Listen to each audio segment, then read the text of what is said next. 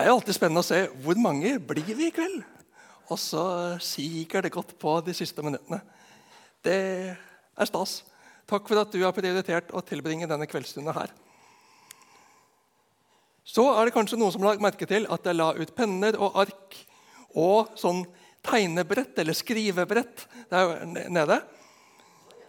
Jeg, eh, det er jo ikke alltid sånn at på seg selv kjenner man andre, men eh, jeg klarer å henge mer med når jeg noterer.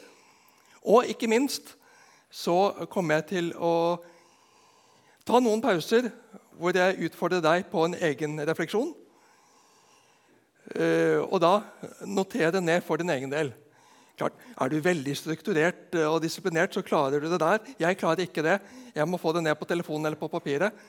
Så jeg oppfordrer dere til å ta penn og papir, notere det som du har lyst til, og ikke minst på refleksjonsbolkene som kommer etter hvert. Så er det Jakobs brev vi skal ta for oss nå noen onsdager utover. Vi hadde Galaterbrevet for ca. et år siden. Kolossebrevet i vår. Og det to Paulus-brev, nå Jakobs brev, som er ganske annerledes. Så eh, var jeg ambisiøs i utgangspunktet og satte opp ett kapittel hver gang. Fem eh, onsdager. Det må nødvendigvis bli stående på papirutgaven av høstprogrammet. På nettsida så har jeg korrigert det allerede. Eller på Misjonshusets kalender nettside. At del 1, del 2 og del 5. For jeg erkjenner jeg blir ikke ferdig med første kapittel i dag. Og jeg kommer nok til å bruke eller da nødvendigvis mer tid på kapittel 1 enn en kapitlene utover. Men det handler også om at mange av temaene introduseres i kapittel 1. Så da må jeg bruke litt tid på det der. Og så utfylles det senere. Og så er jeg opptatt av at vi ikke bare skal bygge kunnskap, få kunnskap om hva det betydde da, men minst like mye hente det inn i vår tid, i våre liv. Hva betyr dette her i min hverdag i dag? Det håper jeg at jeg kan utfordre deg på og gi deg noe input på. Men før jeg sier noe mer, så vil jeg legge samlinga i Guds hender.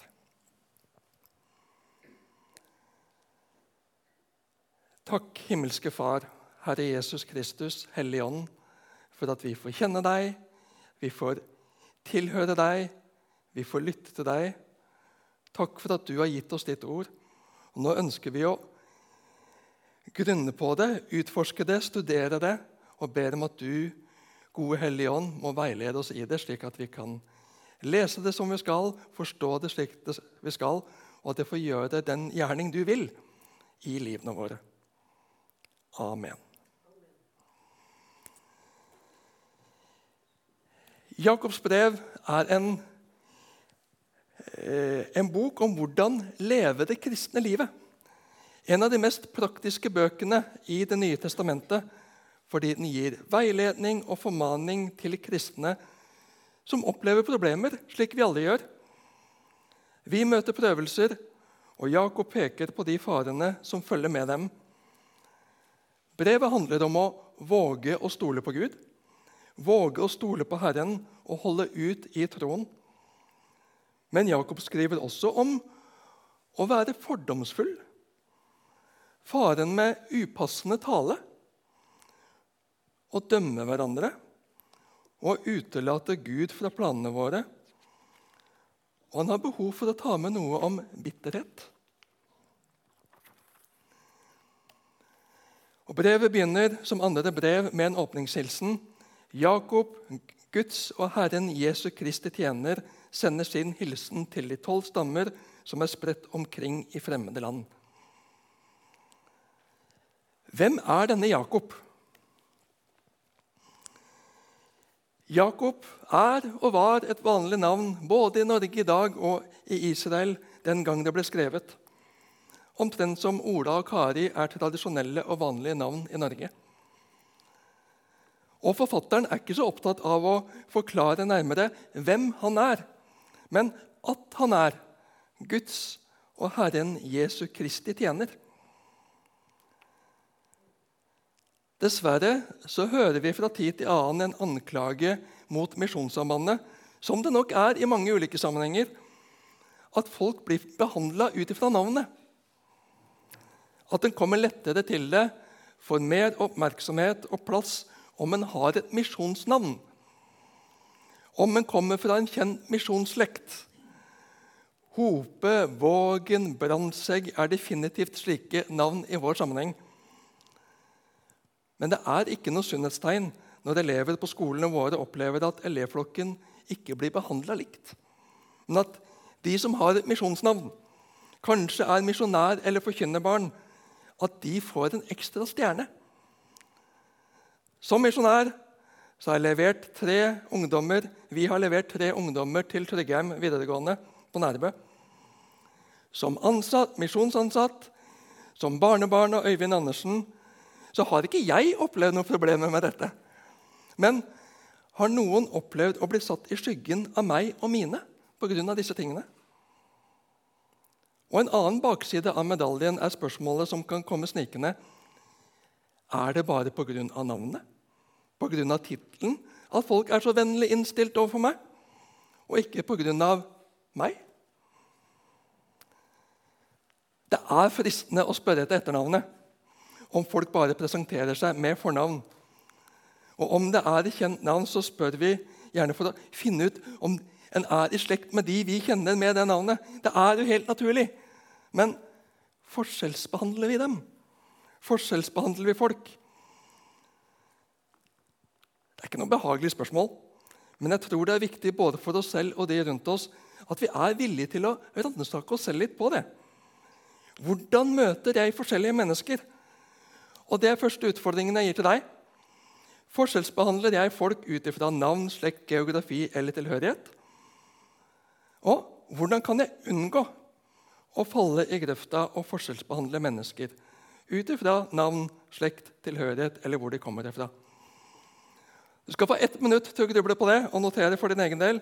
Du skal slippe å svare offentlig på det. Du kan selvfølgelig komme med det i den åpne tida for spørsmål og kommentarer til slutt, men det er opp til deg. Der var minuttet gått. Tilbake til forfatteren av dette brevet. Hvem Jakob, hvilken Jakob har skrevet dette brevet vi har mot slutten av Det nye testamentet? Det er fire navngitte karer som bærer navnet Jakob. Jakob, sønn av Sebedeus og bror til Johannes. Han var disippel av Jesus og senere apostel. Vi har Jakob, sønn av Alfeus, kalt den mindre eller den yngre. Han er også en av apostlene. Vi har Jakob, far til apostelen Judas. Og så har vi halvbroren til Jesus, etter tradisjonen kalt den rettferdige.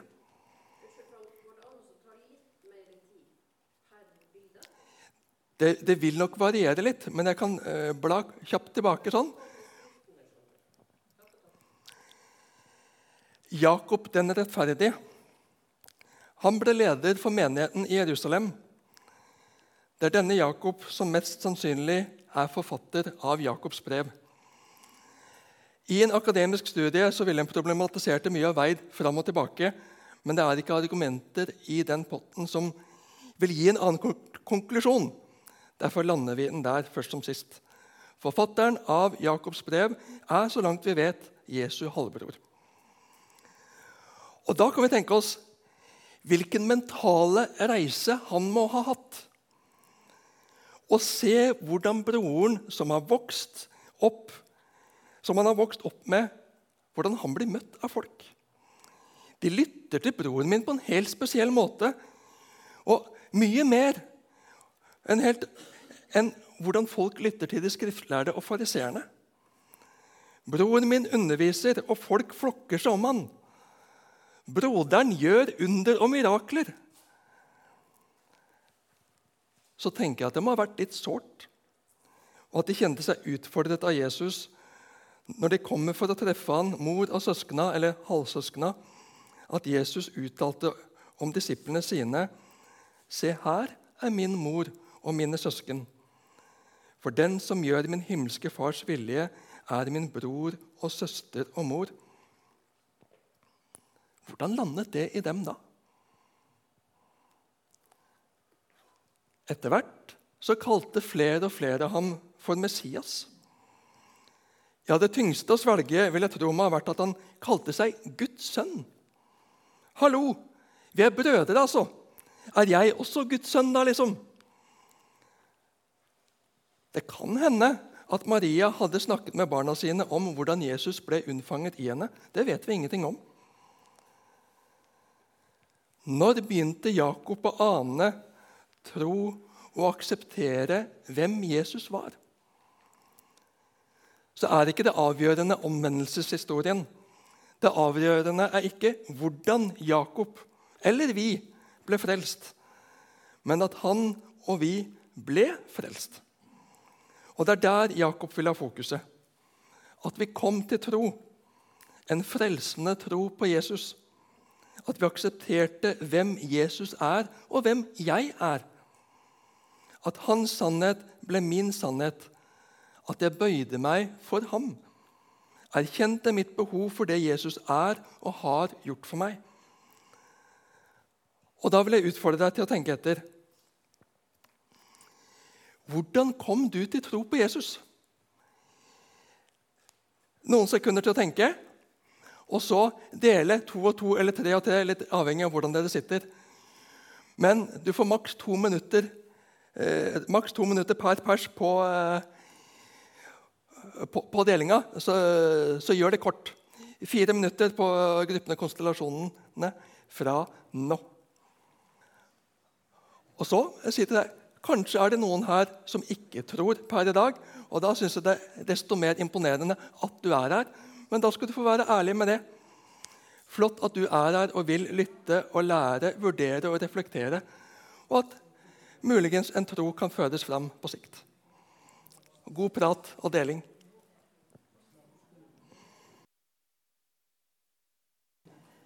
Det er fint å øve seg på å fortelle hvordan man kom til tro på Jesus.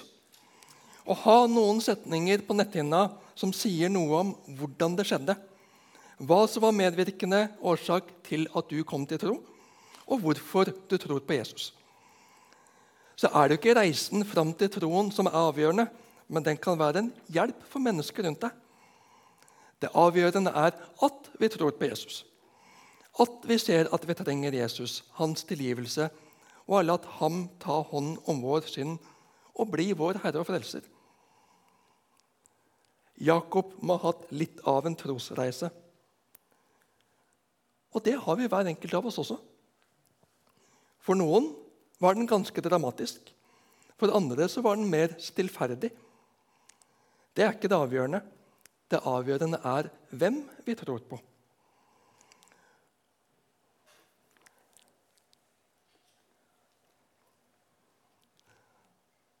Så har jeg en utfordring til, men den tror jeg kanskje jeg skal spare litt. Mm. Jakob, Guds og Herren Jesu Kristi tjener. Dulos, tjener, kan også oversettes med slave. Vi er fire brødre i søskenflokken jeg vokste opp i. Vi krangla rett som det er. Som eldst så hadde jeg et fortrinn, og det gremmes jeg over i dag over hvordan jeg utnytta. Og mammas oppgitte munnhell sitter som spikra. Det er ikke rart at det er krig i verden, og ikke engang brødre kan holde fred. Det har jo vært litt konkurranse opp igjennom. Og jeg kan vel ikke si med hånda på hjertet at alt snev av konkurranse er fordufta i dag heller. Selv om tonen og relasjonen har modnes en del gjennom årene. Men at storebror eller lillebror skal kalle seg den andres tjener eller slave, det er langt utenfor horisonten. Men det er hva Jakob gjør overfor Jesus. Jesus er i sannhet min bror. Men så veldig mye mer enn det. Jesus er min Herre. Jesus er Kristus. Jesus er Gud. Og jeg er hans tjener. Ja, Jeg betrakter meg som hans slave. Ikke fordi han har bundet meg og holder meg nede, men når jeg ser hvem han er, og hva han har gitt og gjort for meg, så kan jeg ikke tenke meg noe bedre enn å underkaste meg hans vilje og leve for ham. Det er stort av en lillebror, og det skal vi få se inn i og reflektere over. Hvem skriver Jakob til? Jakob, Guds og Herren Jesu Kristi tjener, sender sin hilsen til de tolv stammer som er spredt omkring i fremmede land. Noen tror at brevet var rettet til alle jøder som bodde utenfor Israel, og at det inkluderte både kristne og ikke-kristne jøder. Det synes imidlertid usannsynlig, siden Jakob identifiserer seg selv som en etterfølger av Kristus og refererer til leserne som et samfunn av troende som troende søsken, som det er flere referanser på. 1.18.2, 1.7, 5.7. Andre mener at hilsen er en billig referanse til alle kristne menigheter, symbolsk representert som det gamle Israel. Det er også usannsynlig, siden brevet inneholder tydelige jødiske elementer. Det er også en tredje mulighet, nemlig at leserne var jødiske kristne utenfor Israel. Det er naturlig å tenke at dette brevet var et rundskriv som ble videresendt fra menighet til menighet, og at nettopp derfor var ikke noe spesielt geografisk bestemmelsessted presisert.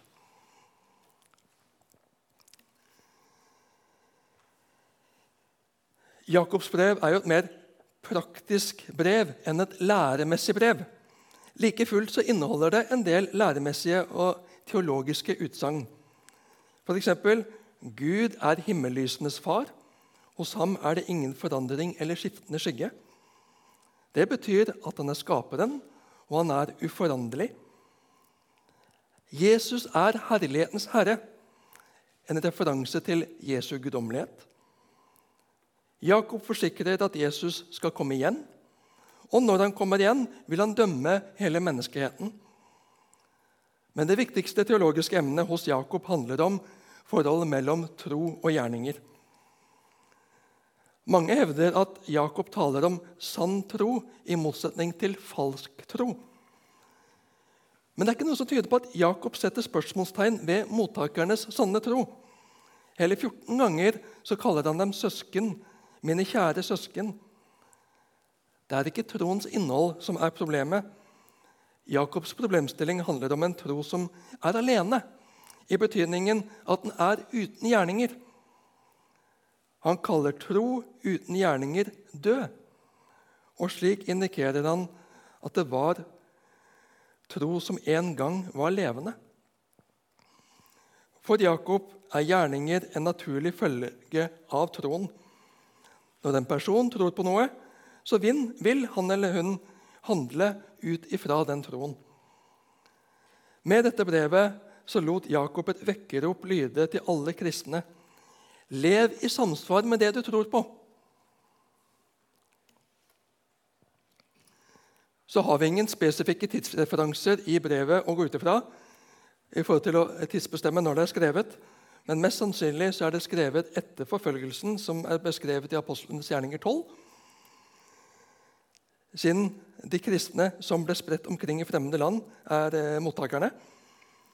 Og Den forfølgelsen fant sted i år 44. Og Brevet har ingen hentydning til apostelmøtet i Jerusalem i år 49, som jo ville vært naturlig å referere til om det hadde funnet sted før Jakob skriver brevet. Og Ut fra de indikasjonene så antar en at det er skrevet mellom år 44 og 49. Altså at Jakobs brev er av de eldste skriftene i Det nye testamentet.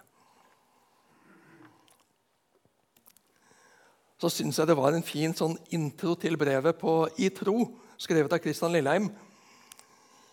Advarsel. Trives du godt i sofaen og ønsker ikke å bli utfordret av Gud, ikke les Jakobs brev. Dersom du derimot ønsker å lære Guds vilje med kristne menneskers liv, åpne det Les og bli inspirert. Og det er vi i gang med.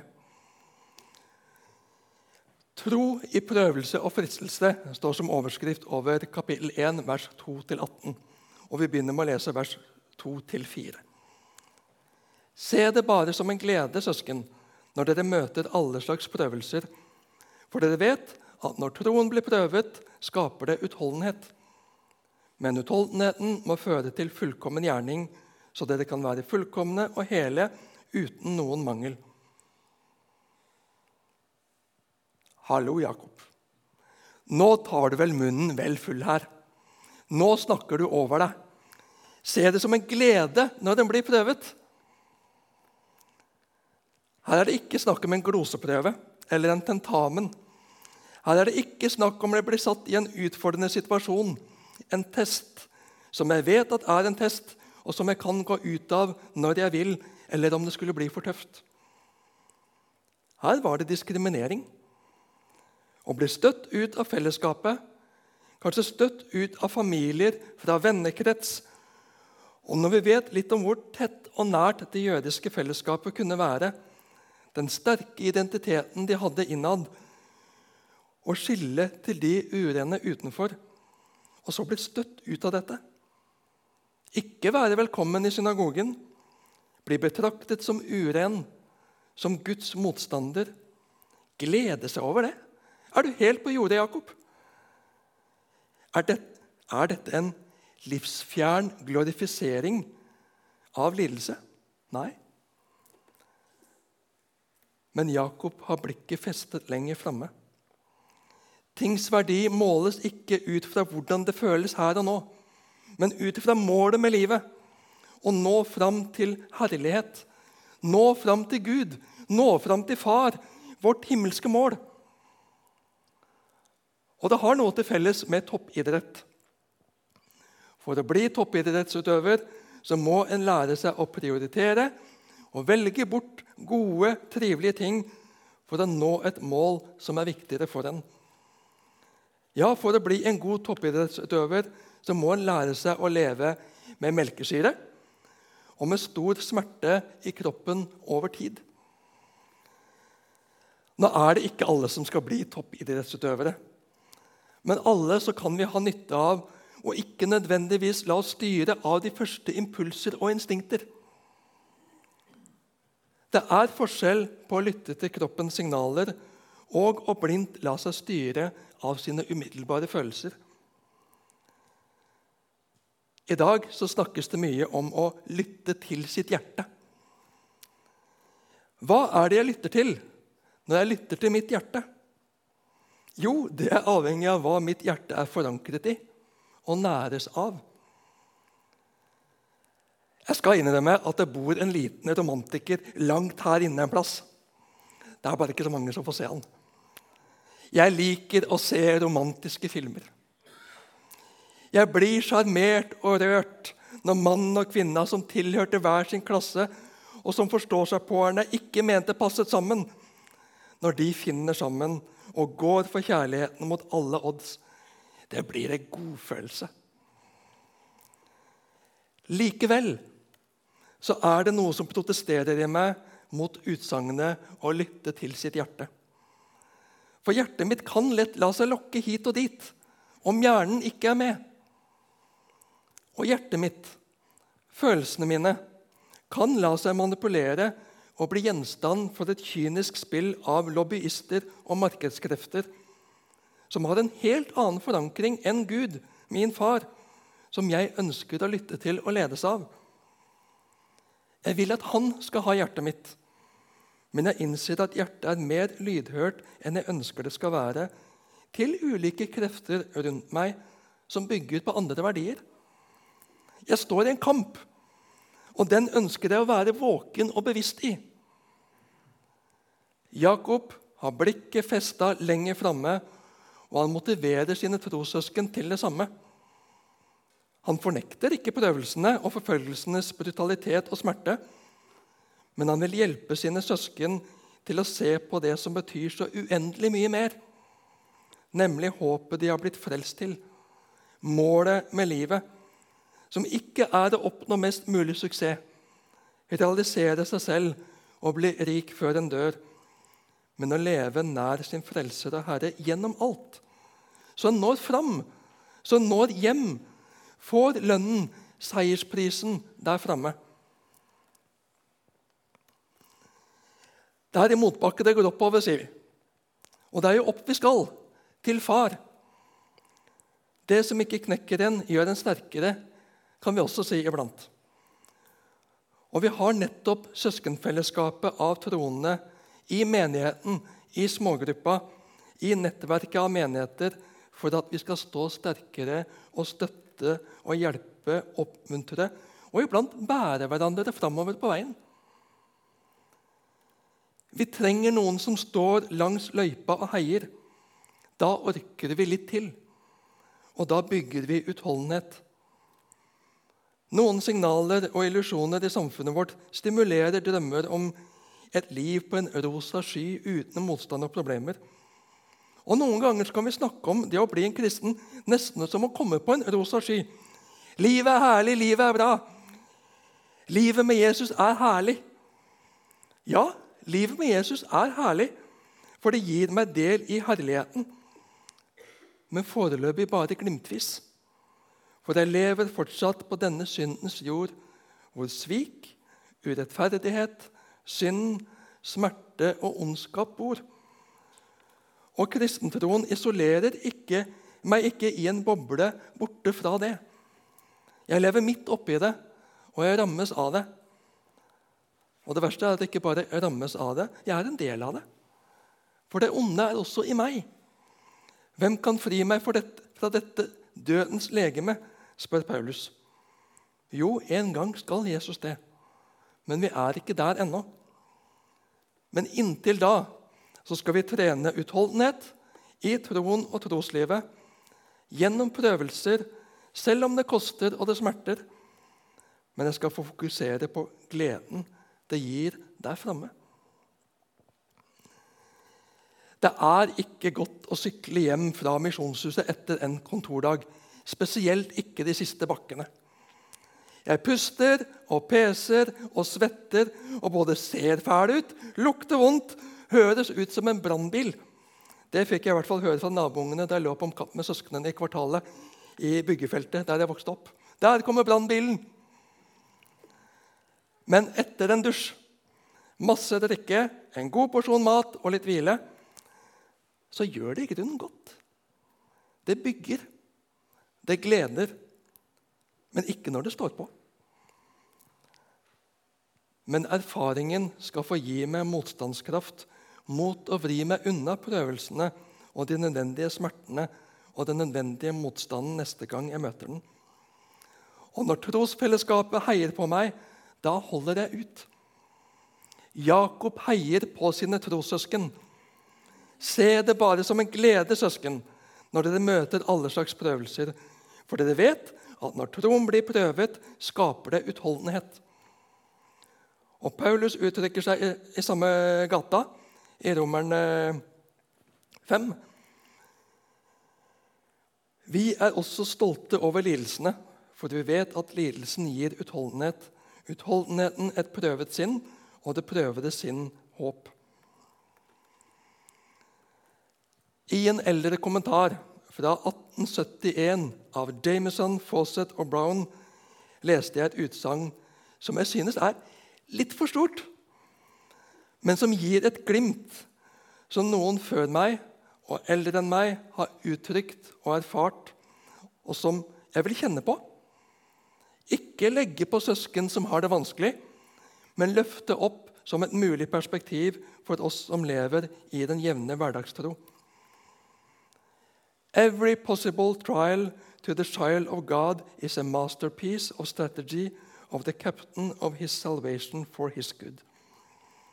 Prøv meg på en oversettelse.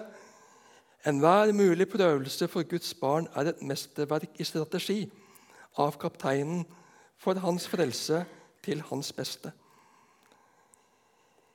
Slike sitater skal vi ikke bruke til å trykke nedover andre som strever, men til å gi mot og perspektiv i hverdagstroen når tåka legger seg og vi ikke ser mer enn ett skritt av gangen i hverdagens trivialiteter. Men utholdenheten må føre til fullkommen gjerning, så dere kan være fullkomne og hele uten noen mangel.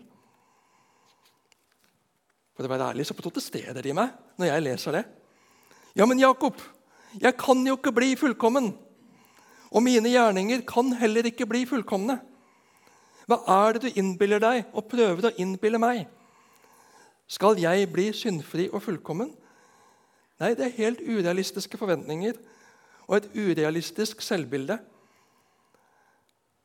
Så erkjenner jeg at neste skritt blir helt avgjørende for meg. Og her kan jeg ta et skritt i feil retning i min ubevissthet. For når jeg vil slå meg til ro med at jeg kan jo ikke bli perfekt og fullkommen, så behøver jeg ikke anstrenge meg så veldig for det heller. Jeg vil jo ikke kunne lykkes. Det er i grunnen triveligst med sånne som ikke tar seg selv så høytidelig, ikke er så prippende og nøye. Og jeg vil ikke være prippen og så nøye. Jeg vil være raus og rund og god i min omgangstone og holdning til livet. Og så kan fort konsekvensen bli at jeg slår meg til ro med egoismen min. Og at jeg blir i status quo. Vi har det greit som vi har det, har vi ikke det? Og så er det veldig begrensa hva jeg gidder og orker å anstrenge meg for å luke bort av dårlige vaner og strekke meg for andre mennesker. For jeg er så lei og sliten av å kave og streve. Jakob, du gjør meg usikker. Du gir meg dårlig samvittighet. Spar meg.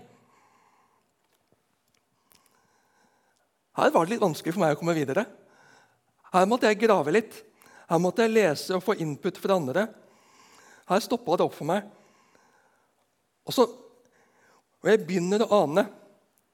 Og jeg må selvfølgelig, som i alt, bare uttale meg ut ifra så langt jeg har kommet i mitt liv, i min erkjennelse, og hvor langt jeg har kommet i kristenlivet. Jeg begynner å ane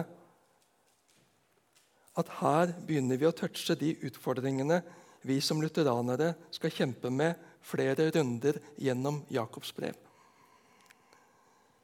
Vi holder så fast på nåden alene og troen alene at det er helt avgjørende. Og det er helt avgjørende hva gjelder frelsen. Og Da vi jobba med Galaterbrevet for ca. et år siden, så var dette noe Paulus pukka på. For det er helt avgjørende at vi ikke blander noe som helst annet inn i grunnlaget for frelsen. Og vi skal stadig komme tilbake til nettopp hva vi er frelst ved. At det er Jesus alene. For vi har så lett for å blande sammen og tåkelegge og røve friheten fra oss selv og andre med å legge noe til. Et banalt bilde. Det er Randi og Ivar Vorhaug som er mine foreldre. Ingenting i verden skal eller kan forandre det. Men det betyr ikke at jeg ikke skal ha relasjon til andre mennesker. Jeg har med mange andre mennesker å gjøre i livet mitt, men det rokker ikke ved mitt opphav. Like fast står frelsen i Jesus alene. Men livet har flere aspekter og perspektiver enn frelsen. Jesus er ikke den eneste i livet mitt, selv om han er den eneste som kan gi meg et fundament å stå på, bygge på og leve på og dø på. Så har jeg andre mennesker i livet mitt som trenger meg, og som det har betydning for hvordan jeg lever, tenker og forholder meg, hva jeg gjør og ikke gjør. Men utholdenheten må føre til fullkommen gjerning, så dere kan være fullkomne og hele uten noen mangel. Jeg skal innrømme at jeg reagerer på uttrykket 'fullkommen', eller mer vanlig i dag 'perfekt'. Det er perfekt. Du er vakker. Du er helt perfekt. Kan vi se på en del kommentarer på bilder på Facebook når folk har bytta profilbilde, f.eks. Jeg mener, det skurrer litt. Jeg er litt for mye luthersk teolog altså, til det. Det slår instinktivt inn i meg. Ingen er perfekt utenom Gud. Han er den eneste perfekte. Vi andre er ufullkomne syndere, og vi blir aldri fullkomne eller perfekte her på jord. Men vi er like fullt uendelig verdifulle og elsket. Men så må jeg ta meg sammen også og innse at ordet 'perfekt' kan brukes i en annen ikke-teologisk betydning utover perfekt og fullkomment som Gud i sin hellighet, fullkomne renhet, 100% Ifølge Store norske leksikon betyr perfekt fullkommen eller fullendt, fullkomment utlært eller helt hjemme, særlig i et språk eller et fag. Samtidig som vi sier at vi aldri blir utlært. Det er alltid mer å lære, mer å utforske, mer å utvikle. Så er det noe med det å være helt hjemme i noe. Norsk er morsmålet mitt. Det er hjertespråket mitt. Det betyr ikke at jeg ett og alt snakker og skriver grammatikalsk korrekt. Kommaregler for eksempel, det har jeg aldri fått skikkelig has på. Men jeg er likevel hjemme i det norske språket. Det er morsmålet mitt, hjertespråket mitt. Jeg er helt hjemme i det. Og ifølge Norsk synonymordbok betyr 'fullkommen' avgjort. Det er ikke noe om og men, noe usikkert. Det er ikke noe å lure på. Det er tydelig og trygt. Skikket og moden er også aspekter ved det greske uttrykket som her er brukt til leios. Hvis vi tar med oss den språkforståelsen inn i den norske oversettelsen av Jakob 1,4 Men utholdenheten må føre til fullkommen gjerning, så dere kan være fullkomne hele uten noen mangel. Så begynner vi å skjønne at det her ikke handler om at vi skal bli som Gud, men at livet henger sammen. Det er avgjort.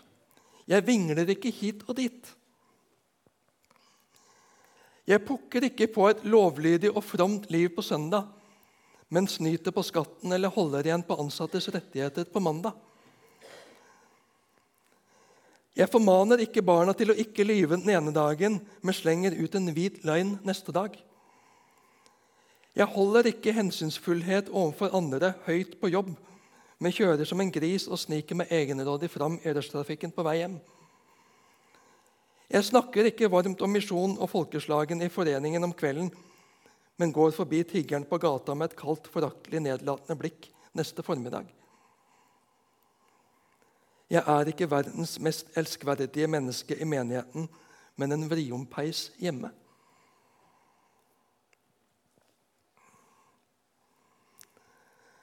Fully developed in all the attributes of a Christian character fullt utviklet i alle egenskaper av en kristen karakter, uttrykker Jameson, Fawcett og Brown det.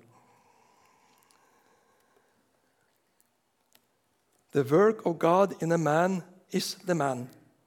If God's teachings by patience have had a perfect work in you, you are perfect. Uttrykker Henry Alford. Guds gjerning i et menneske er menneske, om Guds undervisning i tålmodighet har hatt en perfekt virkning i deg, er du perfekt. Her får vi på plass hva kilden også til den fullkomne gjerning er. Hvor kraften til, la oss kalle det den juridiske fullkommenheten og helheten kommer ifra, det er også Guds verk. Men det er ikke utenfor horisonten for dette jordelivet. Jeg blir fortsatt utfordra. Ingen tvil om det. Jeg frister stadig til å ta meg visse friheter. Jeg er jo fri. Som kristen så er jeg fri. Men bruker jeg denne friheten til å gi kjødet, den syndige lyst, i meg rom? Når jeg slapper av, slapper jeg av med det som gir næring til de lyster i meg som jeg skal døde, eller de lyster jeg skal vokse fra. Jeg så en film på Netflix i vår. Jeg har sans for Tom Hanks. Han har mange fine roller. Og dermed tror jeg selvfølgelig at han er en fin person. Filmen heter 'A Beautiful Day in the Neighborhood' og er basert på en sann historie. Tom Hanks spiller en barne-TV-vert av den gamle, gode sorten, Mr. Rogers. Mr. Rogers er overpedagogisk og faderlig. Han er så varm og god at det oppfattes, oppfattes nærmest eksentrisk. Så det vekker både forundring og respekt, men for noen så vekker det også forakt. Forakt på den måten at den utfordres til å utfordre karakteren. At den vil at den skal slå sprekker og avsløre at du er ikke så varm og god egentlig. Det er bare påtatt. Men karakteren slo ikke sprekker. Men hardheten i den beryktede journalisten som skulle gjøre portrettintervju med barne-TV-verten, måtte bryte sammen og gå inn i en helingsprosess med ting i sitt liv som hadde skapt hardheten og bitterheten i hans liv. Filmen avslører at Mr. Rogers er ikke et overmenneske uten utfordringer i sitt eget liv og sin egen natur. Men han tar tak i det på en konstruktiv og bevisst måte. Han har jobbet seg dit ved å ta ansvar for eget liv. Jobbe med eget liv, ta de nødvendige kampene på alvor og lære av livets nederlag.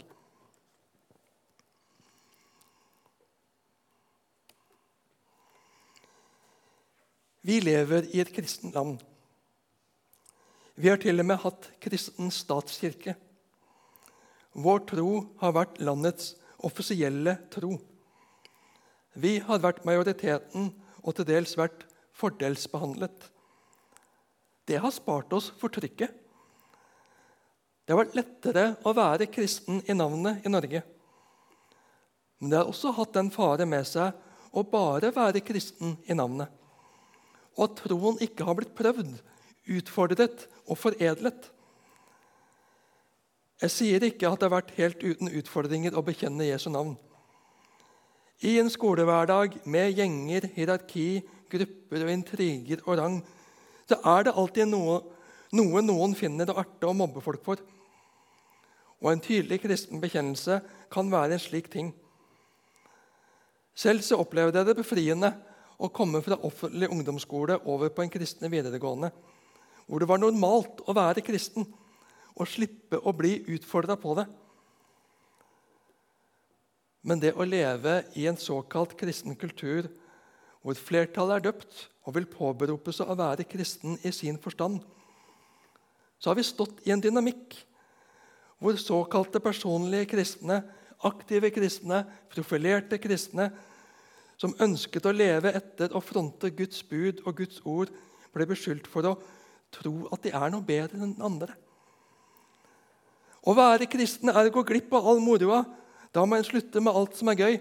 kommer også midt oppi dette. Det henger ikke helt i hop, men som en, men som en reaksjon mot det så er det viktig for oss å mange av oss i hvert fall, å ikke framstå som så prektige. Og fortelle at å være kristen handler ikke om hva en skal gjøre og ikke gjøre. Slik dere sier. Det handler bare om å tro.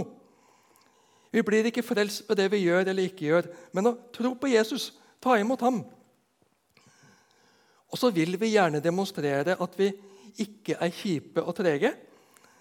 Se hva jeg som kristen kan gjøre. Det er ikke noe forskjell. Jeg har lov til alt. Kanskje som en motreaksjon til forrige generasjon, som var barn av vekkelsen, og som det var viktig å vise en avstandtagen til det gamle livet. Ja, jeg har lov til alt, men ikke alt gagner, skriver Paulus.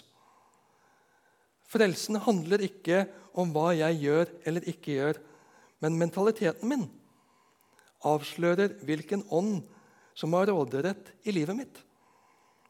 Hvem er herre i livet mitt? I hvilken retning peker livet mitt? Samme retning som ordene? Lever jeg i en spagat som gjør at jeg til slutt forskrever meg og går av ledd og i stykker? Eller tar det bare frimodigheten fra meg, så det er vanskelig å flagge at jeg er en kristen?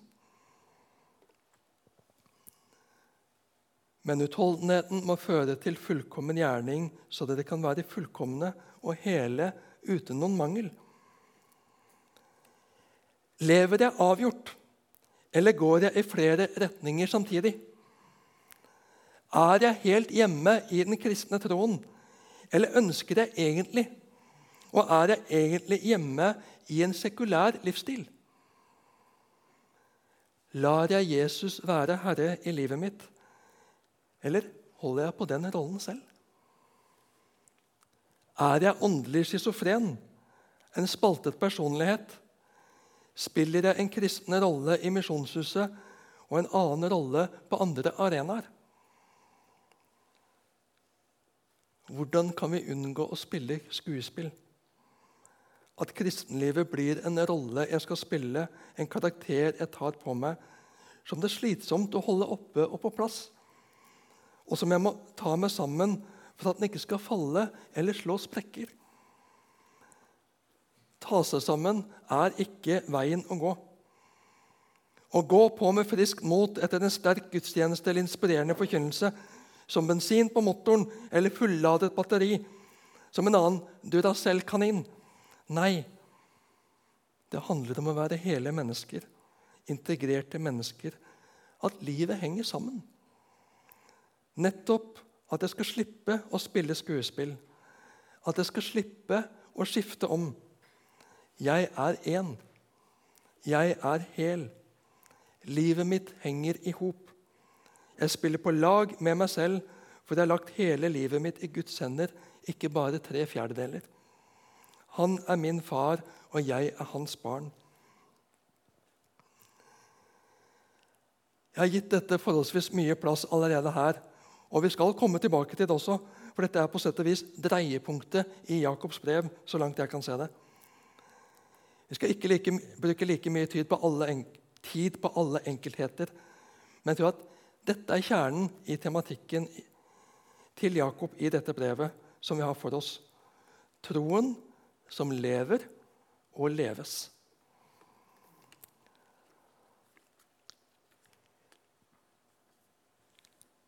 Bitte lite grann til før vi tar pause. Om noen blant dere mangler visdom, skal han be til Gud, som villig og uten å bebreide gir til alle, og han skal få. Om noen blant dere mangler visdom, skal han be til Gud, som villig og uten å bebreide gir til alle, og han skal få. Hva slags bilde har vi av Gud? Hva slags bilde har du av Gud? Hvordan ser du for deg Gud? Hvordan ser du for deg at han er innstilt overfor deg? Jeg vil at du skal bruke ett minutt på det. Reflektere og notere. Ta med deg de tankene over kaffekoppen eller te eller glass vann eller hva du foretrekker. Og la det gjerne være eh, en del av praten i pausen. Det er opp til dere. Vi tar eh, ca. ti minutter pause.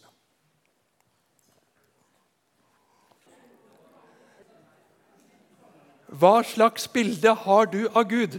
Hvordan ser du for deg at han er innstilt overfor deg?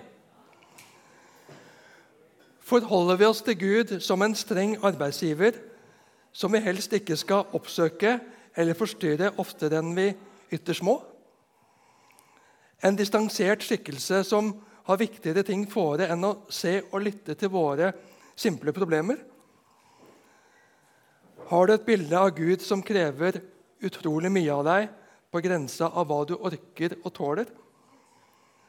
Er Gud egentlig litt urimelig? Slik du ser ham for deg? Hvordan forholder vi oss til Gud? Jesus lærer oss å be vår far. Vi skal få forholde oss til Gud som far. Så erkjenner vi at farsbildet til folk kan være forskjellig. Det er ikke alle som har gleden av å ha hatt en god far, god og trygg farsfigur i livet sitt. En kan ha hatt en far som var fraværende, som var streng, ja, han kan ha vært grenseoverskridende. Så folk har ulike opplevelser knytta til farsbildet. Ja, ingen av oss har eller har hatt en fullkommen far. Alle oss som kan kalle oss fedre, er syndere og bærer preg av det på mange, men ulikt vis. Men Gud er opphav og roten og det fullkomne fullstendig gode bildet av alt som kan kalles far. Gud er vår far med stor F. En far som vi kan hvile i, en far vi kan stole på, en far vi kan være helt trygg på, som alltid vil oss det beste. Han som ser over den toppen jeg kanskje butter imot nå. Han har kontroll, og han vil at vi skal komme til ham med alt. Alt vi gleder oss over, alt vi bekymrer oss for, alt vi lurer på, alt vi opplever at vi mangler. Fortell ham alt. Han vil gi deg det du trenger. Alt som er godt for deg og den sammenhengen du er en del av. Han er ikke gnien. Han har ikke behov for å holde noe godt tilbake. Så er det ikke alltid vi forstår ham i alt. For det som for oss virker opplagt godt, er ikke alltid det i det større perspektivet som han ser, men som vi ikke ser. Men det mangler ikke kjærlighet, det mangler ikke forståelse, det mangler ikke vilje eller evne til å gi all god gave. Det skal du få stole på. Noen ganger i hengivenhet og glede. Andre ganger tørt og trått og følelsesløst, eller til og med med sterk ambivalens. Ingen har noen gang sett Gud, men den enbårne som er Gud, og som er i fars favn, han har vist oss hvem han er, leser vi Johannes 1,18. I samtale med min sjelesørger så har jeg fått snakke om og reflektere rundt mitt farsbilde og gudsbilde. Og jeg setter pris på å se og lese hvordan Jesus utfyller vårt bilde av Gud. Jesus viser oss hvem Gud, vår far, er. Den som har sett meg, har sett far, sier Jesus i Johannes 14, 8. Og i Johannes 10, 30, jeg og far er ett. Vi skal slippe å lure på hvordan Gud er. Om du synes at Gud far i Det gamle testamentet er utfordrende, så skal du få lese det i lys av Jesus. Han viser oss hvem Gud er. Men tilbake til Jakob 1,5. Om noen blant dere mangler visdom, skal han be til Gud, som villig og uten bebreide gir til alle, og han skal få. I første kongebok, kapittel 3, kommer vi inn i den første tiden til Salomo som konge i Israel. En stor og overveldende oppgave som etterfølger av sin far David, som var en stor og dypt respektert konge. En konge som ble sett opp til, og som står for etterslekten som den store kongen i Israel. Salomo ba om visdom. Og det var en bønn etter Guds vilje. Salomo ba om visdom, og han fikk visdom. Landet fortsatte å vokse, og han styrte folket godt. Salomos ordspråk står som et litterært monument over hans visdom. Som han skriver i kapittel 9, vers 10.: Å frykte Herren er opphav til visdom. Unnskyld. Å frykte Herren er opphav til visdom, og ha de helliges kunnskap er forstand. Så ser vi dessverre også at Salomo etter hvert forlot det ståstedet og etter hvert stolte mer på egen dømmekraft enn Gud og hans bud. Og det ble dessverre starten på slutten. Gud, vår far, vil at vi skal be om alt vi trenger, også visdom. Å etablere et sunt utgangspunkt, et støtt grunnlag å bygge på, er punkt én. At Gud er Gud, og frykte og ære Ham som Gud. Og jeg er Hans skapning, ja, hans barn, av bare nåde. Og ja, jeg skal fortjene ham med mitt liv. Det er den veien, og ikke motsatt. Ikke at jeg er Gud, at jeg er sjef, at jeg er herre, og at Gud skal tjene meg og oppfylle mine ønsker, drømmer og fantasier.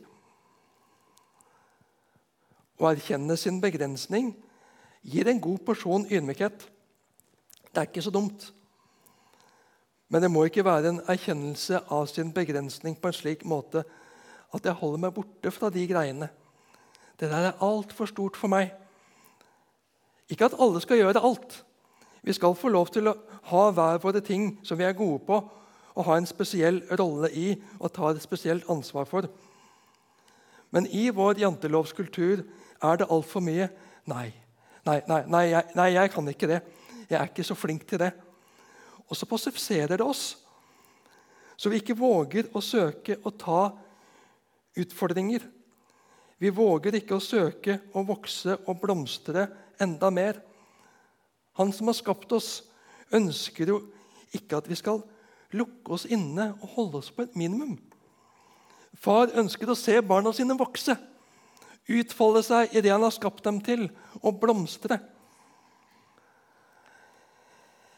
Jeg har ikke så grønne fingre. Jeg er ikke så opptatt av hage, planting og stell med planter. Det sier som tar seg av slikt hos oss. Men jeg liker å se blomster blomstre. Og enda mer, jeg liker å se mennesker blomstre. Se gnisten i øynene, energien og trivselen i ansiktsuttrykket.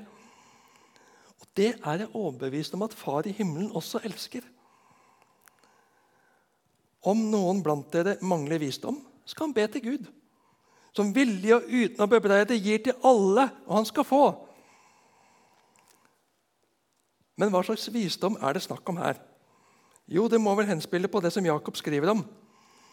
En visdom som gjør at en kan se det som en glede når en møter alle slags prøvelser. Be om en innstilling, et hjerte, et blikk, så en ser det slik med Guds blikk, Guds hjerte, Guds visdom. Det er ikke noe jeg skal hoste opp selv, prestere selv, ta meg sammen for å få til selv. Jeg skal få be om det. Og at Guds undervisning, at Guds gjerning i tålmodighet i oss, kan ha sin perfekte virkning i deg og meg. For som Jakob skriver senere i kapittel 3, vers 17-18.: Visdommen ovenfra er først og fremst ren. Dernest er den fredselskende, forsonlig og føyelig, rik på barmhjertighet og gode frukter, upartisk og uten hykleri og rettferdigheten er en frukt som blir sådd i fred og vokser fram for den som skaper fred. Med andre ord Gud verken krever eller forventer noe av oss eller ber om noe fra oss som han ikke selv vil gi oss. Han ønsker å gi oss. Han er ikke det minste uvillig. Han bebreider oss ikke for ikke vite bedre, for ikke skjønne mer. Det der kan du takke deg sjøl for. En slik tåpelig opptreden som du hadde der. Du er skyld i det sjøl. Nei, det er ikke Guds holdning til oss i det hele tatt. Han vil gi oss det. Om noen mangler, skal han be til Gud, og han skal få. Men vil vi ta imot? Vil vi la oss forme av ham? Der står kampen for min del. Å leve nær ham så jeg stoler mer og mer på ham, så han får slippe til. Forme og danne, beskjære og nære. Utfordrende så det holder. Spenning nok i massevis for min del. Men aldri strev. Aldri slit. Men det utfordrer makten og styringsviljen i livet mitt. Han skal vokse, jeg skal avta, som døperen Johannes uttrykte det i Johannes 3,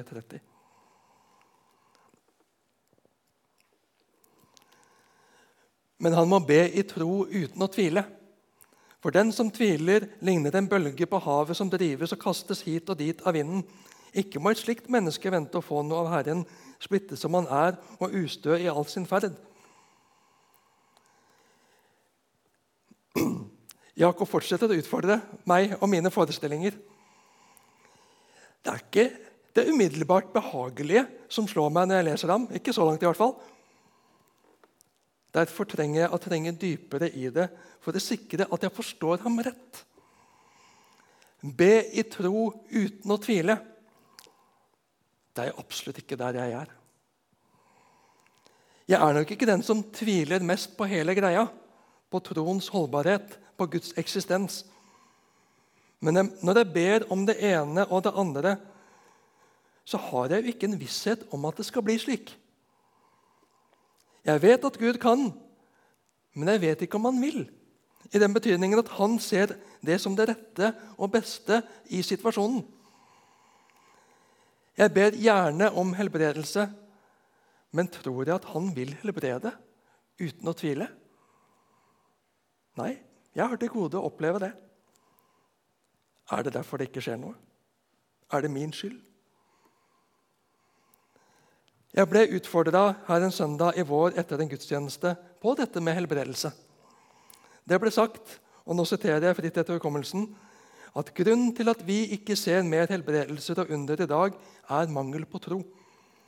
Mangel på tro hos den som ber, eller hos den som blir bedt for. Gud vil helbrede. Gud har tatt alle våre sykdommer på seg, som det står i Isaiah 53. ble det argumentert. Jeg ble både ukomfortabel og utfordre. Jeg har selv bedt om helbredelse for skaden i halsen min, men skaden er fortsatt der. Jeg blir fortere andpusten pga. flaskehalsen som det blir når det ene stemmebåndet ikke åpner og lukker som det skal, men står halvlukket. Jeg hører ikke sjøl, bortsett fra når jeg skal redigere opptaket. Da gremmes jeg. Jeg skvetter, og jeg gremmes. Jeg skjønner jo da hvorfor jeg ble kalt brannbilen som liten. Jeg kom løpende. Men jeg lever godt med den skaden. Jeg hadde aldri ambisjoner om å bli toppidrettsutøver. Men hva med den som virkelig lider under sykdom gjennom mange år? Som å leve livet på sparebluss fordi kreftene er så få selv om livslysten og virketrangen er like stor som den var før sykdommen.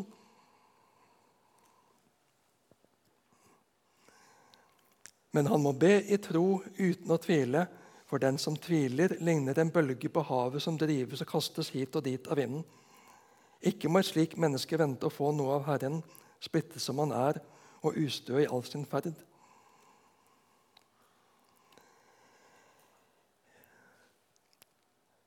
Craig Blomberg og Mariam Kamel skriver i sin kommentar over Jakobs brev at Jakob her beskriver den som stiller spørsmålstegn ved Guds karakter. Som en bølge på havet som drives og kastes hit og dit av vinden. Dette bildet ble brukt av klassiske forfattere med referanse til den ordinære ustabilitet på havet. Ikke bare i storm, men som en betegnelse på de konstante bølgene som går opp og ned uten noen regelmessighet eller mønster.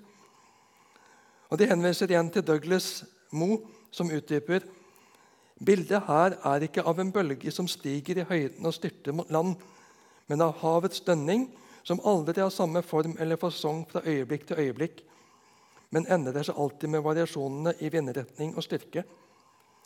Dette gir det perfekte bildet av den tvilende personen som svinger mellom tro og skepsis, uvillig til å stole på Kristus en gang for alle og holde kursen i troskap mot ham. Her får jeg hjelp til å forstå tvilen Jakob skriver om. Det handler ikke om overbevisning om hva Gud kommer til å gjøre eller ikke gjøre når jeg ber. For vi har ikke den oversikten Gud har. Derfor skal vi heller ikke kommandere ham eller være skråsikre på hvordan han ser på ting og tang, og hva som er best i det store og det hele. Den tvil Jakob her snakker om, handler om hvem en vil følge. Hvem en vil stole på og søke hjelp hos. Ja, hvem jeg vil høre til. Splitt som han er, slik en tvesinnet mann som NB88 bruker. En bokstavelig oversettelse her ville være å ha to sinn. Er Gud en av mange knapper jeg trykker på for å få det som jeg vil? Blir den ultimate utgaven av meg selv? Søker jeg Gud for det han kan gi meg? Allah for det han kan gi meg? Hinduismens guder og meditasjoner og øvelser for det jeg kan hente ut av det, og buddhistisk lære og filosofi, og blande det sammen slik jeg får mest ut av det? Som Josva sa til israelsfolket, velg i dag hvem dere vil tjene. Enten de gudene som fedrene deres styrket bortenfor elven, eller gudene til amorittene i det landet der dere bor nå. Men jeg og mitt hus, vi vil tjene Herren. Tvilen Jakob skriver om, er altså ikke en fraværende usikkerhet. Det er ikke en 100 overbevist om at Gud vil gi meg det jeg ber om, men en vakling mellom hvem en vil tro på og følge, og ikke ville ta stilling og velge hvem som skal være min Gud. Men vi ser her at måten vi leser det på, kan snu det hele på hodet. At vi gjør det til noe som står og faller på meg. Og hvorfor får vi så lett den mekanismen? Hvorfor er vi sånn? Jo, fordi vi har den grunnstillingen at vi vil være Gud. Jeg vil ha kontrollen og makten. Det er meg det kommer an på. Nei, takk og lov, så skal vi slippe å bære det ansvaret. Vi skal la Gud være Gud, og jeg skal få være hans skapning. Så vil jeg ikke la meg lokke og lure av de demoniske krefter som spiller på lag med den falne Adam og Eva i meg, til å gjøre meg selv til den, den som har den avgjørende makten. Nei, jeg skal få være barnet som stoler på far. Han ordner opp. Han har kontrollen. Han vet hva som er best for meg. Ingen kan måle seg med far. Han er verdens beste. Ja, universets beste. Universets herre. Og han elsker meg. Han elsker deg. Halleluja. Vers 9. En bror som står lavt i rang, skal være stolt av hvor høyt han blir satt. Og en rik mann skal være stolt av hvor lavt han blir satt. For som blomstene i gresset skal han få gå. Solen stiger med sin brennende hete, gresset visner, blomsten faller av, og all den skjønnhet er borte. På samme måte skal den rike visne midt i alt sitt strev. Jeg har lyst til at Før jeg sier noe om de versene, vil jeg at du skal tenke for din egen del og notere for din egen del. Hva treffer deg her? Hvordan taler Gud til deg i disse versene? Tenk, reflekter over versene, noter. Ett minutt. Her, som i de forrige versene, så vitner Jakob om den store befrielsen det er å høre tilhøre Jesus, å være Guds barn, og ikke være herre over det hele og den som skal ha kontroll og mestre. Selv om jeg stadig fristes til å innta den posisjonen. Selv om jeg stadig fristes til at jeg vil være sjef, jeg vil stadig få til, jeg vil stadig prestere. Nå konkretiserer Jakob det inn i det kristne fellesskapet.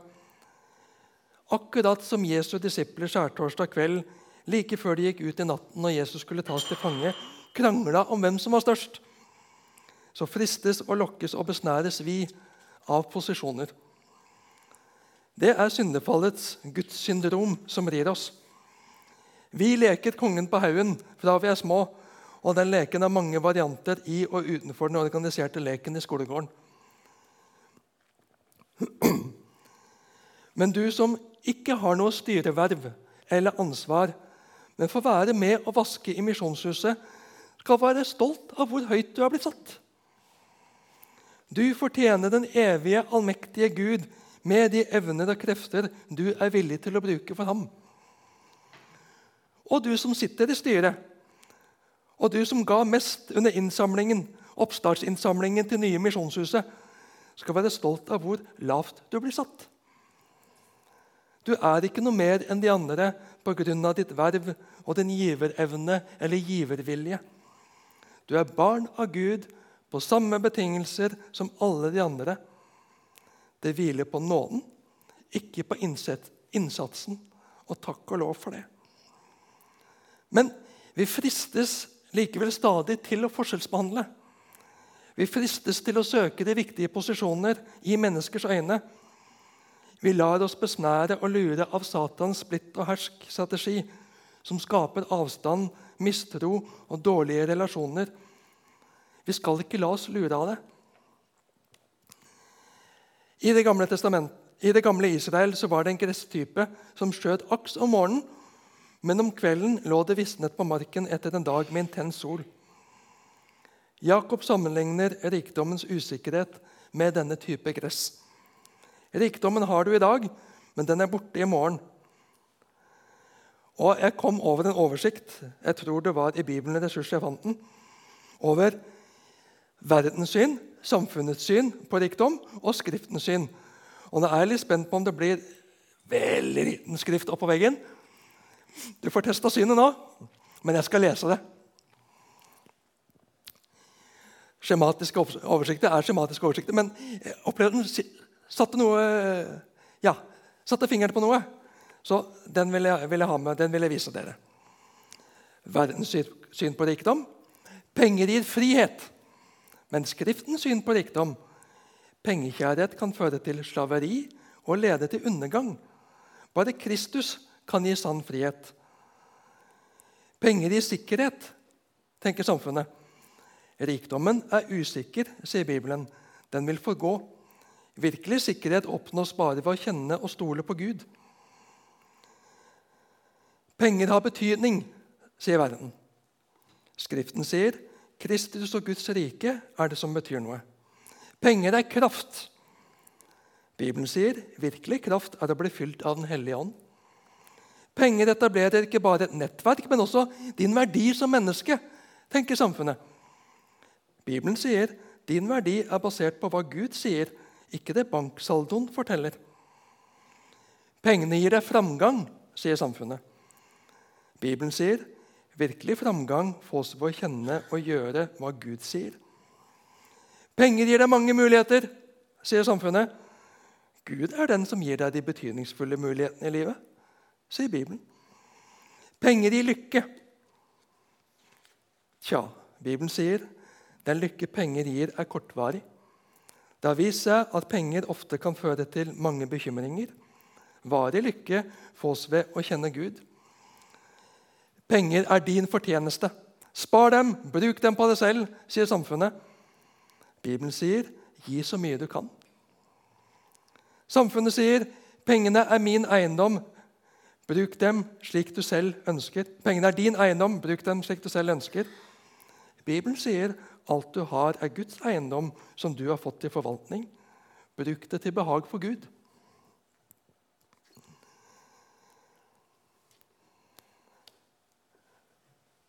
Salig er det mennesket som holder ut i fristelser. For når han har stått sin prøve, skal han få livets seierskrans, eller krone, som det står i Norsk Bibel 88. Som Gud har lovet dem som elsker ham. Sal, salig er det mennesket som holder ut i fristelser. I denne sammenheng så beskriver salig eller velsignet en holdning av et bestemt mot som er upåvirket av ytre omstendigheter. For når han har stått sin prøve, skal han få livets seierskrans som Gud har lovet dem som elsker ham. Igjen, hva er perspektivet vi har på livet? Jakob holder fram det evige perspektivet som, skal, som skal styre hva vi måler ting og opplevelser etter. Den troende som holder ut i fristelse, viser at han elsker Jesus og derfor vil få livets krone ved Krist på dommens dag.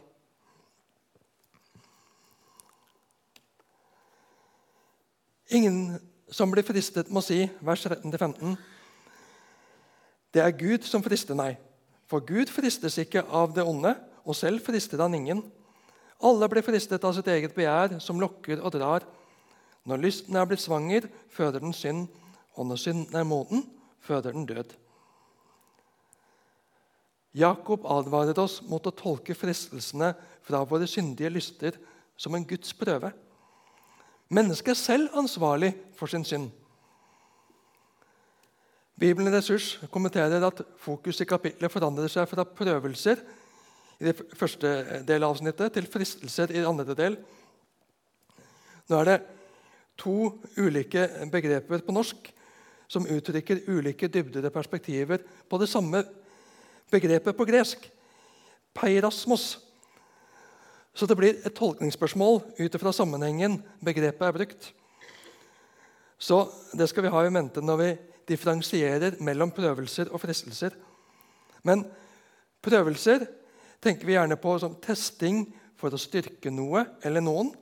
Med fristelser tenker vi gjerne på listige angrep for å felle noen.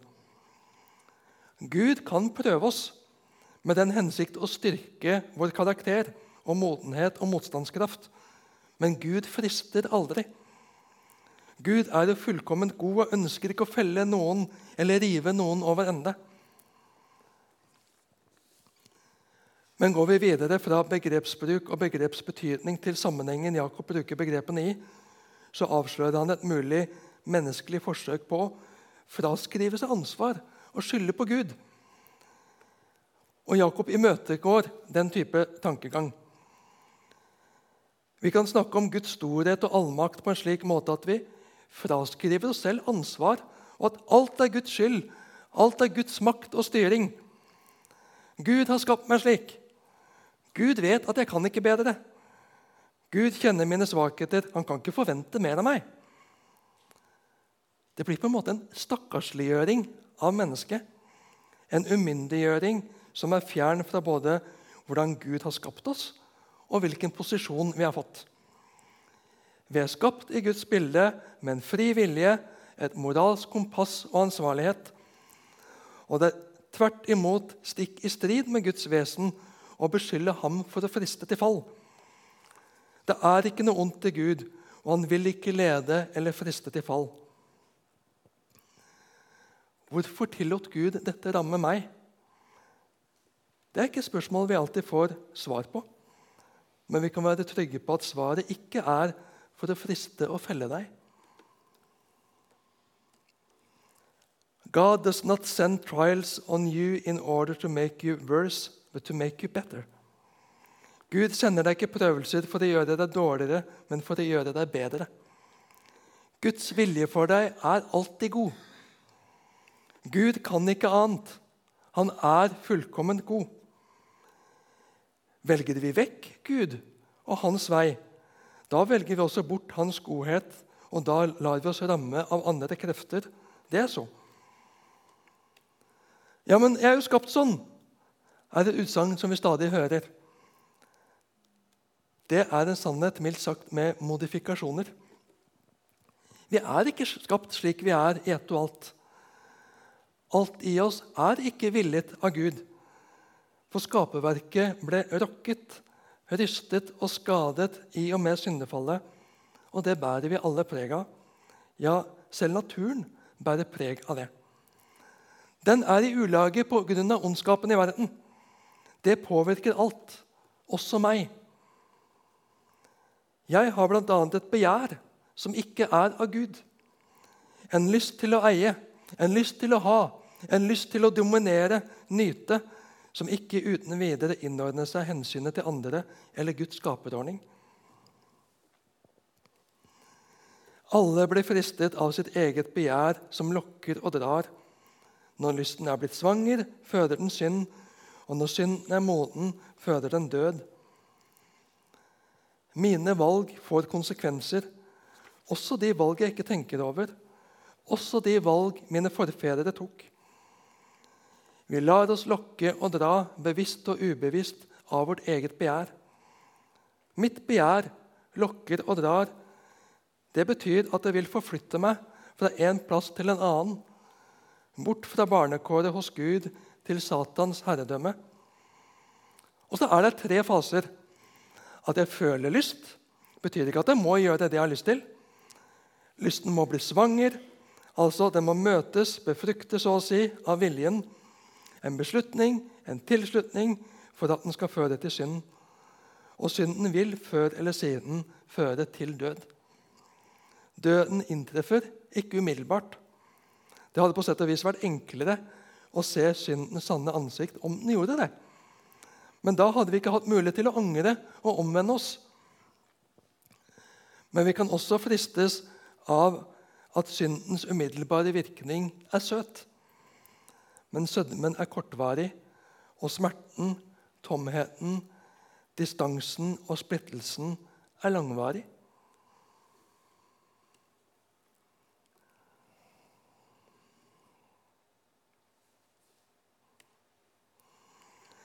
Noen ganger får vi høre at kristendommen har et sånt negativt syn på mennesket. Når vi sier at mennesket er en synder. Men jeg vil si tvert imot. Kristendommen har et befriende menneskesyn. Et høyt menneskesyn. Mennesket reises opp og ansvarliggjøres. Gud forholder seg ikke til mennesket som slave av sine instinkter. men som sin representant for å styre, lede og forvalte skaperverket. Intet mindre. Gud setter mennesket meget høyt. Og Jakob minner de troende om det samme. Ikke gjør det til slave under lysten og synden. Den fører til død. Ikke skyld på Gud. Du er i den forstand herre over ditt liv. Du er ikke en viljeløs marionettfigur. Du er et oppreist menneske, skapt i Guds bilde, til frihet, glede og ære. Lev det livet. La dere ikke føre vill, mine kjære søsken. Hører du hjertet som ligger bak? Jakobs hjerte for sine trossøsken. Ikke konstant, ikke hele tiden, men av og til så trenger vi å stanse opp og spørre oss selv hvor er jeg på vei. Hva lar jeg fylle og prege meg? Hva bygger jeg på egentlig? Og det skal du få ett minutt på nå. Store spørsmål, men ett minutt her og nå.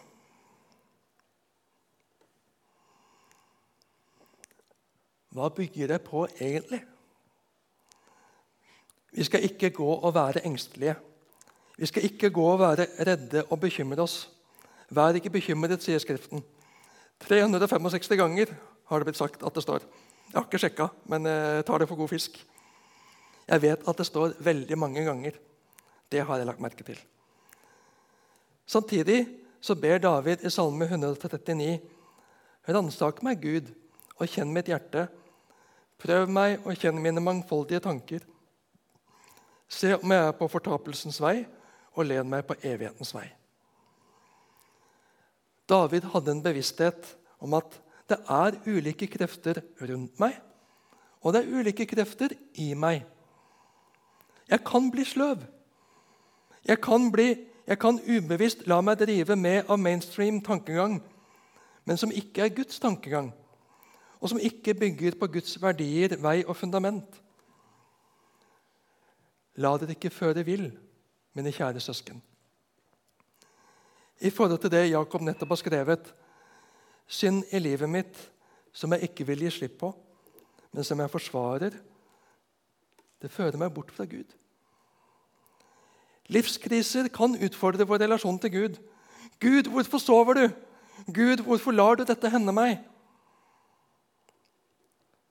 Vi kan gjøre oss selv til offer og skylde på Gud og skylde på mennesker rundt oss i nåtid eller fortid, og ikke ta ansvar for eget liv.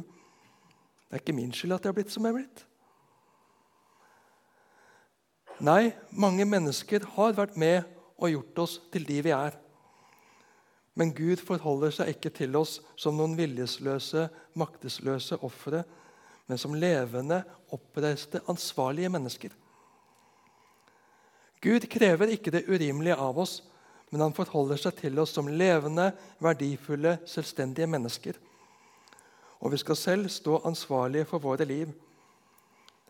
Ikke heng dere på enhver trend. Ikke la dere føre vill av sterke ledere. Bli hos meg. Lytt til meg og mitt ord. Følg meg. Min nåde er nok for deg. Hold deg til meg.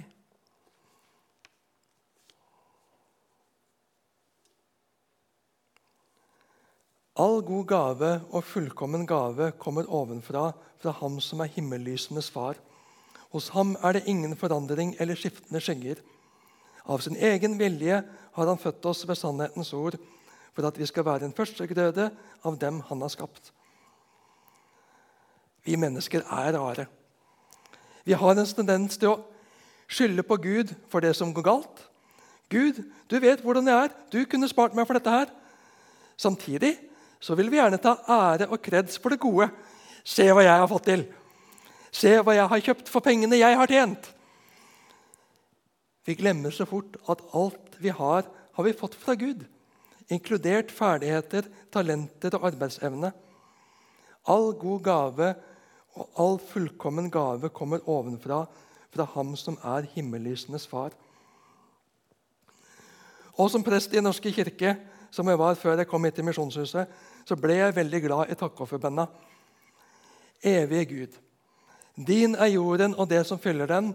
Alt vi eier, tilhører deg. Velsign oss og gavene våre i Jesu navn. Bønnen hjelper meg til å se meg og mitt i det rette perspektivet. Det er alt sammen en gave fra Ham som ikke bare er vår far, men Han som er himmellysenes far. Han er opphav også til lyset. Himmellysene, sol og måne, som alt liv er avhengig av. Han får vi kalle far. Og vi får være hans elskede barn. Hos ham er det ingen forandring eller skiftende skygger. Noen mennesker er høyt og lavt følelsesmessig. Det kan svinge fra topp til bånn på få sekunder. Og det er ikke alltid så lett verken for en selv og i hvert fall ikke for omgivelsene å forstå hvorfor det skiftet. Som nygift Jeg er ikke spurt om Sivs tillatelse til å si dette, men jeg tar sjansen. Som nygift, etter å ha vokst opp i en søskenflokk med bare gutter og gikk i en klasse med bare mannfolk og mannlige lærere, så skal jeg erkjenne at jeg sånn cirka en gang i måneden kunne lure på er det forsvarlig med kvinnelig statsminister i et land. Jeg må skynde meg å si at jeg har forsont meg med det og forsvarer det den dag i dag. Det går bra med kvinnelige statsministre. Det kan til og med gå veldig bra. Men det var noe som satte meg ut da jeg som fersk ektemann ble vitne til hormoners svingninger på en annen måte enn jeg hadde vært borti tidligere. for å si Det sånn. Det er flott med følelser, ikke minst gode følelser. Og når det svinger, kjenner jeg at jeg lever. Og Når vi leser dette, så skal ikke det forstås slik at Gud er følelsesløs, eller at Gud er kald. Nei. Men Gud er hevet over våre dårlige dager. Gud er hevet over lite energi, og han settes ikke ut av spill eller dømmekraft pga. at de rundt reagerer annerledes enn en helt forstår. Vi kan oppleve at mye skifter, at ting er uforutsigbart og dermed lett kan bli utrygt for oss. Himmellysenes far, som jeg også kan få kalle min far, han har kontroll. Jeg kan være trygg på hvordan han er, hvordan han vil møte meg nå i kveld og i morgen tidlig hvis vi våkner til en ny dag. Hans ledelse er ikke skiftende med folkeopinionen eller hva en tror en selv kan tjene på i denne situasjonen. Han står fast. Han er stødig. Han er til å regne med, og han tåler mine skiftende skygger uten å rokkes. Han lytter, er omsorgsfull, og han forstår på et helt annet nivå enn både nygifte Frank og snart 50-årige Frank. Og det er fantastisk nydelig å få høre. Av sin egen vilje har han født oss ved sannhetens ord for at vi skal være den førstegrøde av dem han har skapt. Det er ikke alle som har blitt til ved planlagt og ønsket graviditet. I de fleste tilfeller så tar foreldre det sporty. I noen tilfeller får dessverre barnet høre at det ikke var ønsket, med den enorme belastningen og byrde det må være. Og med mitt skiftende lynne og i høyeste grad varierende opplevelse av å lykkes i å leve som Jesu etterfølger, er det godt å høre at vi ikke er blitt til på slump. Du er ikke blitt til som et resultat av tilfeldighetenes spill, evolusjonens formålsløse blink eller bom. Av sin egen vilje har din himmelske Far både skapt deg og født deg på ny ved sannhetens ord. Gud skapte oss ved sitt ord, og han gjenføder ved sitt ord. Som vi leser i Romerne 10.: Hver den som påkaller Herrens navn, skal bli frelst. Men hvordan kan de påkalle en som de ikke tror på? Hvordan kan de tro på en som de ikke har hørt om? Og hvordan kan de høre uten at noen forkynner? Og hvordan kan de forkynne hvis de ikke er utsendt? Det står jo skrevet hvor vakre de er, føttene til dem som bringer godt budskap. Men ikke alle var lydige mot evangeliet. Jesaja sier, 'Herre, hvem trodde vårt budskap?' Så kommer da troen av det budskapet en hører, og budskapet kommer av Kristi ord. Det er gjennom å høre ordet at vi kan fatte tillit til det og bli frelst. Og som Jesus selv sier i Johannes 8.: Hvis dere blir i mitt ord, er dere virkelig mine disipler. Da skal dere kjenne sannheten, og sannheten skal gjøre dere fri. Tilbake til Jakob 1,18. For at vi skal være en førstegrøde av dem han har skapt. Er jødekristne som er de første mottakerne av dette brevet. Og det jødiske folk er den gamle pakts folk.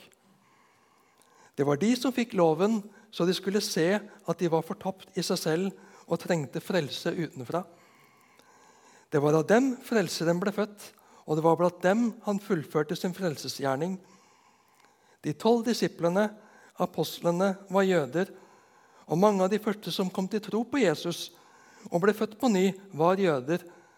De er førstegrøden. Det var ikke bare dem han skapte.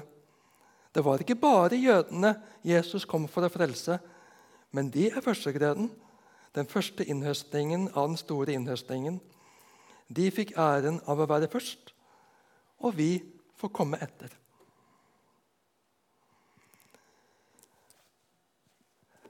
Da er klokka seks minutter på ni. Jeg lovet å gi rom for eh, spørsmål og kommentarer. Og det har vi fortsatt litt tid til. selv om vi har satt tidsrammen 7 til 9. Er det noen som har noe de vil spørre om, kommentere, så opp med en hånd, så skal jeg komme med mikrofonen til deg. Slik at alle får høre deg. Og så kan jeg si for ordens skyld at det kommer, det kommer da med på opptaket og legges ut med mindre du ber om at det ikke gjøres det. Sånn at det kommer i, i sammenheng. Mm. Sånn som jeg hører Jakob, så er han også en veldig god utfordrer til å si takk for motgangen. For i motgangen så blir vi sterke eh, i han og veldig svake i oss selv. Og så ser jeg at Gud han snur alt opp ned. Sånn at det som før var så viktig, blir ikke viktig lenger. Det han sier er viktig, det blir viktig. Og gjennom bønnen har vi da den enorme, viktige kommunikasjonen med Jesus, og så med hverandre. Så jeg ser det sånn korset oppover og så bortover sånn. Med opp til Gud og bortover til hverandre. Mm. Forbindelse med far, med Gud og med hverandre. Absolutt. Mm. Flere som vil si noe, dele noe, spørre om noe?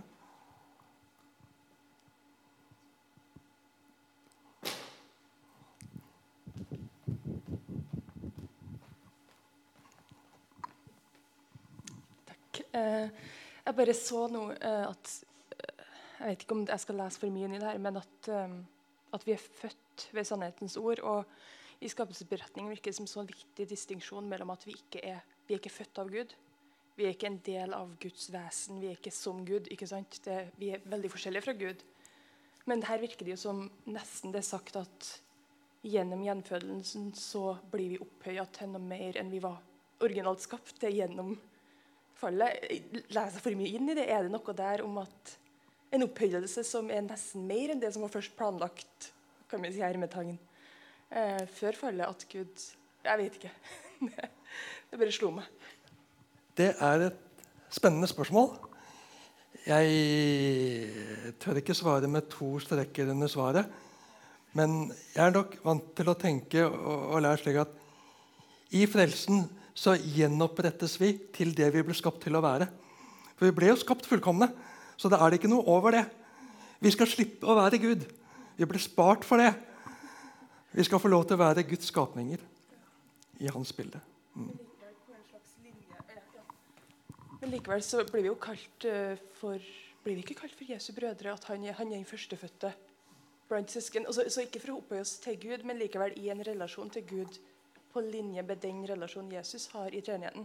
Så det er ikke som Gud, men som en den nære relasjon. Kan vi si det? Eller noe. Jeg vet ikke. Jeg, no, det her er helt ugjennomtenkt fra min side. Jeg bare Jeg tror vi skal vokte oss til å sette oss på, på linje med Jesus, Ja, samtidig som vi får ha den nære relasjonen Ja. til Jesus og til Ja. Gud. Ja. Ja, fordi Den nære relasjonen som Adam og Eva hadde med Gud i, Mm. i Edens hage. Det kan ikke bli bedre enn det. Nei, det er veldig opphøyende. Det er jo det. Jeg mener Ja. ikke opphøyende som å være Gud, men å være i den der tette. Også. Ja. Det er, Tette, intime, nære, fortrolige relasjonen. Absolutt. det er stort. Ja. Og ikke helt Takk. tema nå, men ja.